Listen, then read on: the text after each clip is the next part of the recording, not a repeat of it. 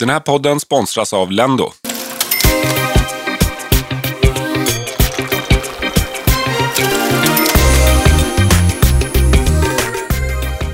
Varmt välkomna till fjärde avsnittet av eh, Lyxfällan, en pengapodd med Patrik och Magnus.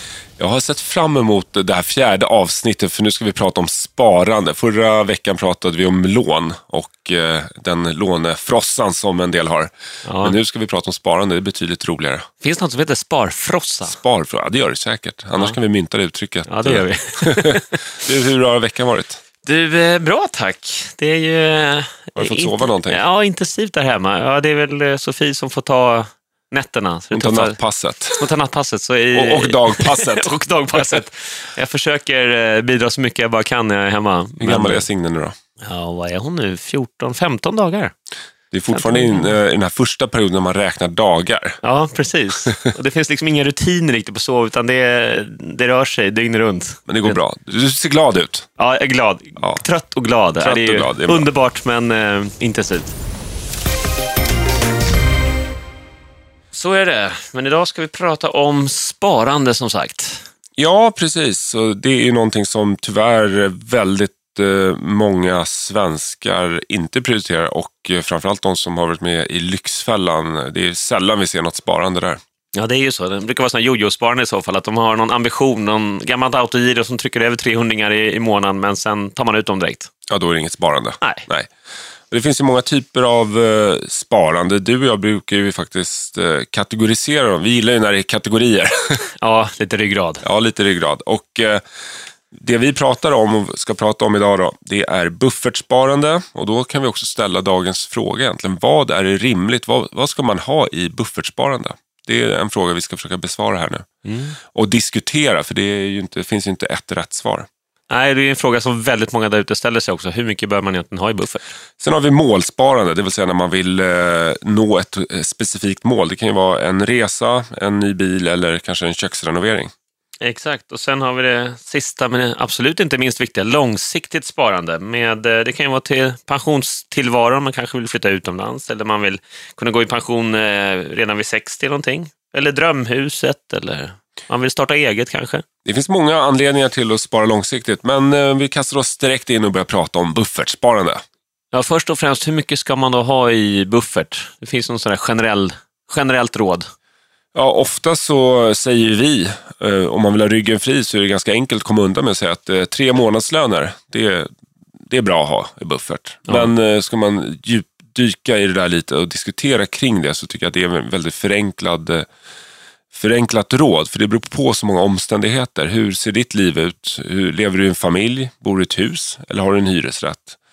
Eh, har du en, en bil, eller två kanske till och med, eller eh, cyklar du till jobbet? Så det, det oerhört många omständigheter. Ofta i, när man ska göra ett kort uttalande i en tidning så finns det inte plats för den här diskussionen. Men det, det har vi faktiskt tid och plats för här i podden. Ja, för det är en väldig skillnad som sagt. Är du singelboende hyresrätt så ja, då tar fastighetsägaren om det kylskåpet går sönder.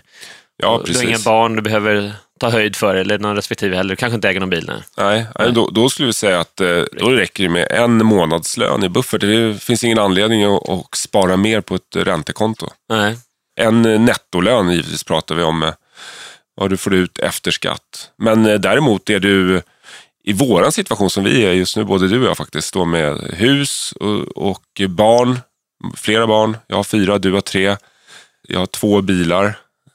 Du har en bil. Men det, och det är landställe och det, det är väldigt mycket saker som kan gå sönder Verkligen. och saker som kan hända på det sättet. Man vill ta lite, lite mer höjd. Och då brukar man ju då säga tre månadslöner, men är det för den ena eller är det för båda i hushållet? Ja. Här är ju så att det är väldigt svårt att säga något generellt, för man måste ju känna av vilken eh, situation man har och sen vad man är trygg med, va? så att man kan sova lugnt om natten någonstans. Exakt. Ja, det, det, jag tycker du är inne på någonting där. Det handlar ju inte om, det finns inget riktigt rätt eller fel som många experter där ute försöker säga något exakt belopp, utan det är snarare dels vad som passar din livssituation, familjesituation, men också hur du är som person. Ja. Eh, mår du bra av att faktiskt ha en väl tilltagen buffert, kanske lite mer än vad som egentligen är befogat. Om det får dig att må bra och sova bättre, då är, då är det rätt för dig. Helt klart. Sen handlar det också om vad du har för eh, inkomstsituation. Om du eh, har en, en trygg fast anställning sedan eh, 15 år tillbaka så i alla fall sannolikhet för att du ska mista jobbet eh, utan att du vet om det i förtid är rätt liten. Men däremot kanske så många eh, idag jobbar som frilans eller har lite timmar här och där eller jobbar i projekt, kanske projektanställningar, ja då kan det också vara perioder där det går två månader utan inkomst. Och det är klart att då behöver du en helt annan buffert så att Exakt. du kan eh, och det blir mycket då. vanligare nu att man faktiskt jobbar i projektform och, som frilans. Och Precis. Då, då gäller det att hela tiden ta höjd för det. Ja. Jag känner personen, så vill jag kunna klara mig, eh, eller mig säger jag, jag vill kunna klara mitt hushåll alltså med, med fru och tre barn och hus, sex månader utan inkomst utan att det ska bli något problem överhuvudtaget. Och det är sex, sex nettolöner då för din del. Ja. Och, sen, och sen din fru då, ska hon också ha en buffert? Eller är den bufferten som du tänker på nu den för, för hela hushållet? Ja, Jag, jag, tänk, jag vill känna att jag ska kunna ta eget ansvar för hela familjens välmående ett, åtminstone ett halvår framåt. För då hinner på ett halvår hinner du ju ändå ställa om, hitta någon annan typ av inkomst eller kunna anpassa utgifterna på något sätt, dra ner på lite saker. Så Ja. att, eh, det, det tycker jag det är minimum, eh, rent personligen känner jag att minimum. All- Allt ska kunna vara precis eh, som det är nu på utgiftssidan Ja, utan en enda krona in på sex månader. Det är min personliga eh, sova gott om Ja. natten-strategi. ja, och det visste jag ju eftersom vi pratar om sånt här ibland. Ja, vi, vi, det är sånt här vi sitter och snackar om när vi Ja, reser, ja, eller hur? ja, vi är väldigt lika själv, på den Själv punkten. Du, ja, jag vet ju att du har en, en rejält tilltagen buffert. Ja, ja. Rent ekonomiskt är den nästan för stor, skulle jag säga. Är, är försvarbar, för egentligen ska ju pengarna ut och arbeta eh, på börsen eller eh, någon, någon typ av investering. Nu är det ju nollränta på, på de flesta kontona, men Ja. eh, jag sover bättre om natten också när det, man vet att pengarna finns lättillgängliga och i olika faser i livet så vill man ta olika risk. Men hur resonerar du då? Eller har- du och Sara pratat om det här? Hur mycket... Ja, absolut. Eller, är det någon högst eget beslut du har tagit? Eller? Ja, det är ett eget beslut, men jag har pratat med henne om det.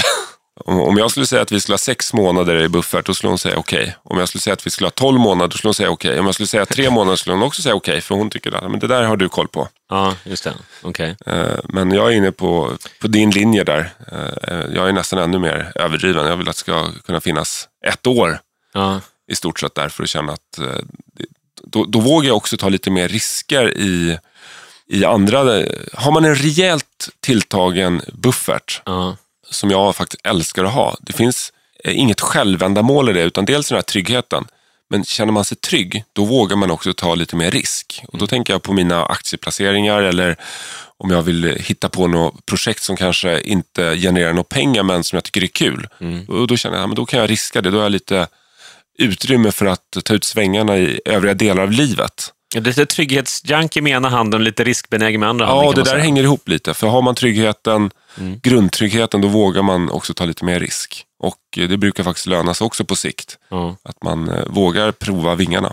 Det, är, det är det här som kan bli det tråkiga med vår podd, att vi, vi tänker ju väldigt lika i såna här saker. Ja, Vi, vi har ju synkat under så många år. Vi, vi upptäcker det gång på gång att vi tänker extremt lika. ja, men jag tror att det är kanske lite personlighetsgrej, men också det vi jobbar med. Vi ser ju så många livsöden som slås i kras, drömmar som aldrig realiseras eh, varje vecka när vi är ute i land och rike runt. Jag tror att det, det formar också oss till stor del. Man, man vet ju exakt hur man inte vill ha det och eh, blir lite kanske paranoid över det här med buffertsparande. Men Ja. så är det med det. Och, eh, Vi, vi kanske har ökat vårt buffertsparande med åren med Lyxfällan. Vi har sett ja, det- ja, Det har jag faktiskt inte tänkt på själv, men så kanske det är. ja. Det är egentligen ganska enkelt.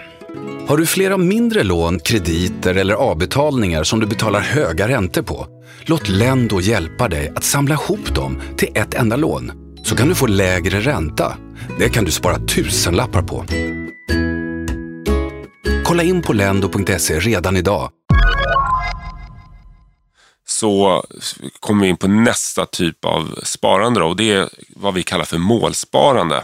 Och Det handlar om att faktiskt spara specifikt till ett, eh, en sak eller en resa. Vi, det skulle kunna vara då en, en långresa med familjen, en, en ny bil eller en köksrenovering. Och här är väl också, kan man lägga till också att eh, tanken är att man har det här bufferten, som har byggt upp det här buffertsparet som man vill ha, som man sover gott om natten och bygger den här tryggheten i sitt liv först. När, det, när man har den kvoten uppfylld, så att säga, Exakt.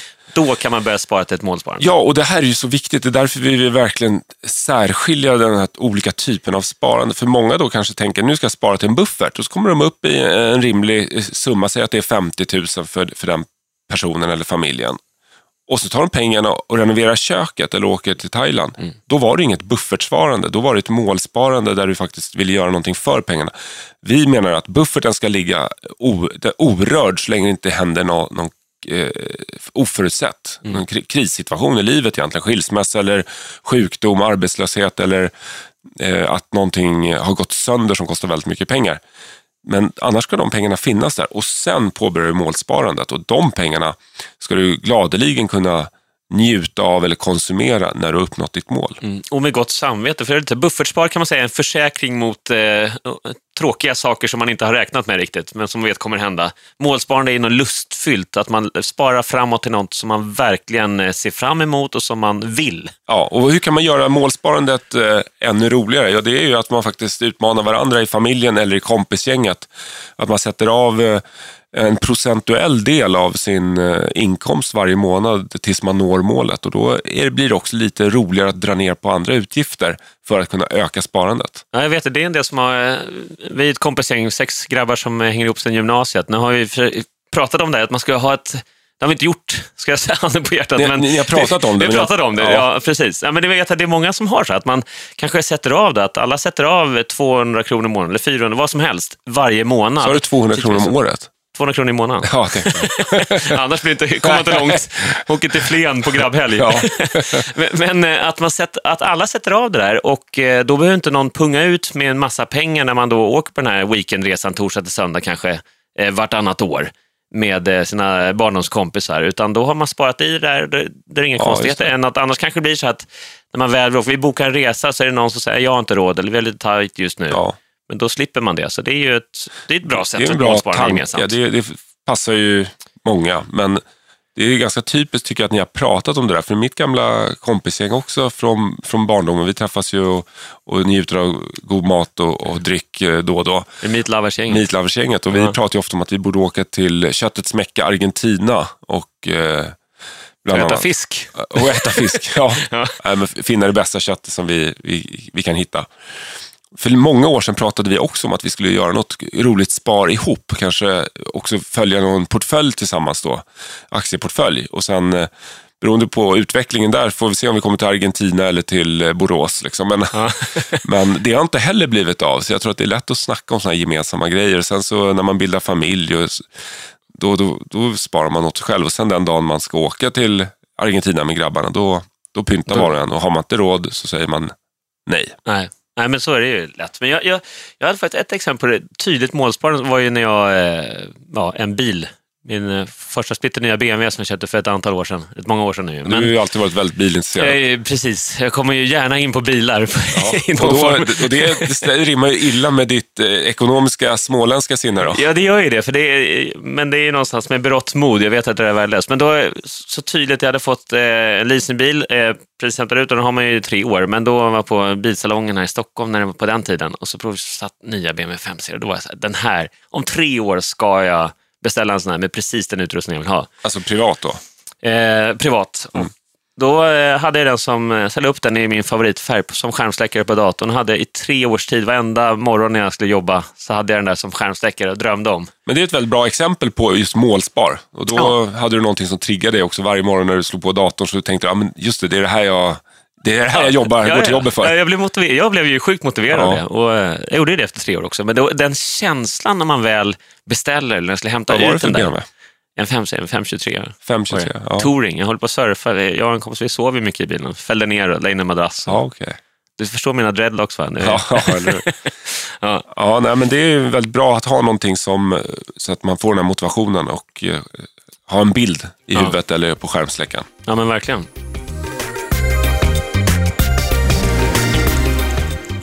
Det är ja, målsparande det. Målsparande ja, och buffert. När man har det på plats, jag skulle nästan säga att nu kommer vi in på det som kanske ska egentligen eh, börja sparas till innan man eh, går in på ett målsparande faktiskt. Och det är det långsiktiga sparandet. eh, det som de flesta bara ganska torrt kallar för pensionsspar. Det låter ju sjukt tråkigt. Det låter alltså. skittråkigt. Ja. Vi kallar det för långsiktigt sparande, för det behöver inte alltid vara att det är till pensionen. Det kan ju vara att man redan som 20-åring börjar lägga undan pengar för att kunna köpa drömkåken om 20 år, när man är 40. Exakt. Eller det kan vara att man som 30, 30-åring börjar lägga undan för att faktiskt kunna eh, kasta loss och eh, starta eget företag om eh, åtta år. Ja. Så det finns eh, mycket olika typer av eh, långsiktigt sparande som inte bara handlar om pensionen. Nej, nej. Och det är, eller att faktiskt eh, ha som mål, livsmål kanske, att bli miljonär. Då tycker alla så här, det kan ju inte jag bli. Jo, fast alla, oavsett inkomst skulle jag säga, så har du möjlighet om du börjar i rätt tid. Ränta på ränta-effekten. Ja, men jag tror att vi är inne på det lite också i vår bok, där Mer klirr i kassan som vi skrev tillsammans för ett par år sedan. Att, Ja några enkla räkneexempel på att det visst går att, att bli miljonär om man börjar i tid och eh, jobbar med ränta på ränta. Ja, precis. Så det där är, jag tror det är väldigt, väldigt många människor, jag skulle nästan säga att undantagslöst eh, alla människor någonstans har tänkt så här, tänk om man vann en miljon eller bara fick en miljon på kontot. Och så går väldigt många människor och har en ambition om att få det lite bättre ställt eller ha lite bättre koll på sin ekonomi, men man tar inte de där första konkreta stegen och så plötsligt har det gått fem år eller tio år, så är det fortfarande har man kvar samma ambition och så har man inte gjort något åt det. Och då passerar ju chansen. Och så tänker man, kanske man blir äldre, varför gjorde jag inte så? Eller så, vi träffar många som räknar ut och vi brukar hjälpa dem också på traven att räkna ut hur mycket pengar du skulle ha sparat om du hade fimpat cigaretterna för x antal år sedan. Och ofta är det då, börjar man röka när man är 15, 16, 17, 18 någonstans där många börjar. Och eh, när man uppnår då en, den eh, respektfulla åldern av 50, då har man ju rökt upp ett par miljoner. Ja, kommer du ihåg han pianostämman uppe i Dalarna? Som, där var det, han rökte upp hela huset. De hade upp till tak, eh, nocken belånat, men eh, hade de inte rökt genom livet så Och, och hade lagt, de... då måste man säga, och lagt eh, cigarettpengarna på något räntebärande. Exakt. Då hade de eh, varit skuldfria och ägt ett stort hus utan några som helst lån. Så att Det är de här små, små mikrobesluten i vardagen som ofta eh, fäller avgörandet på lång sikt också. Verkligen. Ofta är det så att eh, de som, som, som lyckas ekonomiskt och, och eh, får det väldigt gott ställt och blir miljonärer och så vidare. Då, många av dem har ju kanske rykte om sig att, de är lite snåla. Mm. Men jag tror att det handlar om det att de har lärt sig från tidigt ålder också att veta att nej, jag vill inte lägga småpengar, mikro, mikroköp varje dag på saker som jag inte får ut så mycket av. Utan istället då lägga, spara de pengarna. Och sen när man väl gör någonting så gör man det lite mer rejält och med eftertänksamhet. Nej, men jag, det viktigaste tycker jag egentligen när det kommer till sparande, om ska generalisera det, är att man verkligen tycker jag, sätter sig ner, antingen om man är singel eller själv eller med sin partner eller med familjen och faktiskt pratar om det. Vad, vad vill vi? Och börja tänka till lite. Så att man gör aktiva val. Det tycker jag är det viktigaste egentligen. Sen kan det aktiva valet vara att äh, jag orkar inte spara till pensionen, jag kanske blir påkörd av en buss imorgon. Ja, men okej, lev det livet då. Lev, bränn allt här, här och nu, men gör det aktivt val. Just Alltså, gör ett aktivt val, Ja. så att det inte bara blir så Nej. och sen blir man bitter i efterhand. Utan, Nej, utan utan man kan säga så här, jag valde att leva så här och det var helt medvetet. Ja, exakt. Jag valde att bränna allt varje dag. Carpe diem, men jag gör det med berått mod och Ja. jag älskar att leva så. Ja, och då kan man inte heller klaga eh, över att man då har det lite kn- knapert när man blir äldre. Nej. Då man, nej, jag ville hellre ha roligt medan jag var ung. Precis. Och det, att, det, det, finns inget rätt eller fel där heller, men, men som, som vi säger, alltså, ha en plan och, och följ den planen. Ja. Och de flesta drömmer ju faktiskt om att kunna leva länge, vara friska och ha en eh, bra ekonomi när man blir äldre. Ja, och ha pengar till att göra sånt som man tycker är härligt och roligt i livet. Ja, för det är då man har tid också. Ja, precis. Sen när vi kommer till långsiktigt sparande så eh, är det ju självklart eh, aktiemarknaden vi tänker på. Om man nu inte är så intresserad så är det lättare att spara i fonder och låta någon annan sköta förvaltningen. Men eh, både du och jag har ett stort aktieintresse och vi tänker att det, det får bli ett eget avsnitt här längre fram i podden. Ja, verkligen. Det finns hur mycket som helst att borra ner sig i. Det ska bli härligt. Ja, då är det väl hög tid för att börja knyta ihop den här säcken om sparande. Och det är ju eh, tre delar som vi ser. Buffertspar, målspar och långsiktigt sparande. Precis, och eh, jag tror att ni har förstått ungefär vad... Vi ställde en fråga i början av programmet här och det var ju hur mycket ska man ha i buffertsparande? Och svaret är ju att det är helt individuellt. Men det, det enda som man kan säga är rätt, det är det som får dig att sova gott om natten i din familjesituation eller hur du lever. Det är rätt för dig. Ja, titta på dina fasta utgifter och se hur, lång, hur länge bufferten räcker helt Ja, enkelt. ta höjd för de risker som kan uppstå i ditt liv och eh, ha gärna lite extra för att eh, du kommer aldrig ångra att du har lite extra i bufferten, även om det är låga räntor just nu. Ja, se verkligen till att du har ett sparande i någon form så du slipper hamna där kvällens Lyxfällan-deltagare Letinia hamnade. Ja, det blir ett ovanligt känslosamt eh, avsnitt i kvällens Lyxfälla, 20.00 TV3. Jag kan säga, missa inte det för ni kommer få se eh, Patrik göra saker som han aldrig någonsin har gjort tidigare i Lyxfällan och det överraskar till och med mig. Och glöm inte heller att prenumerera på eh, Lyxfällan, en pengapodd med Patrik och Magnus. Och självklart även ett stort tack till vår sponsor Lendo.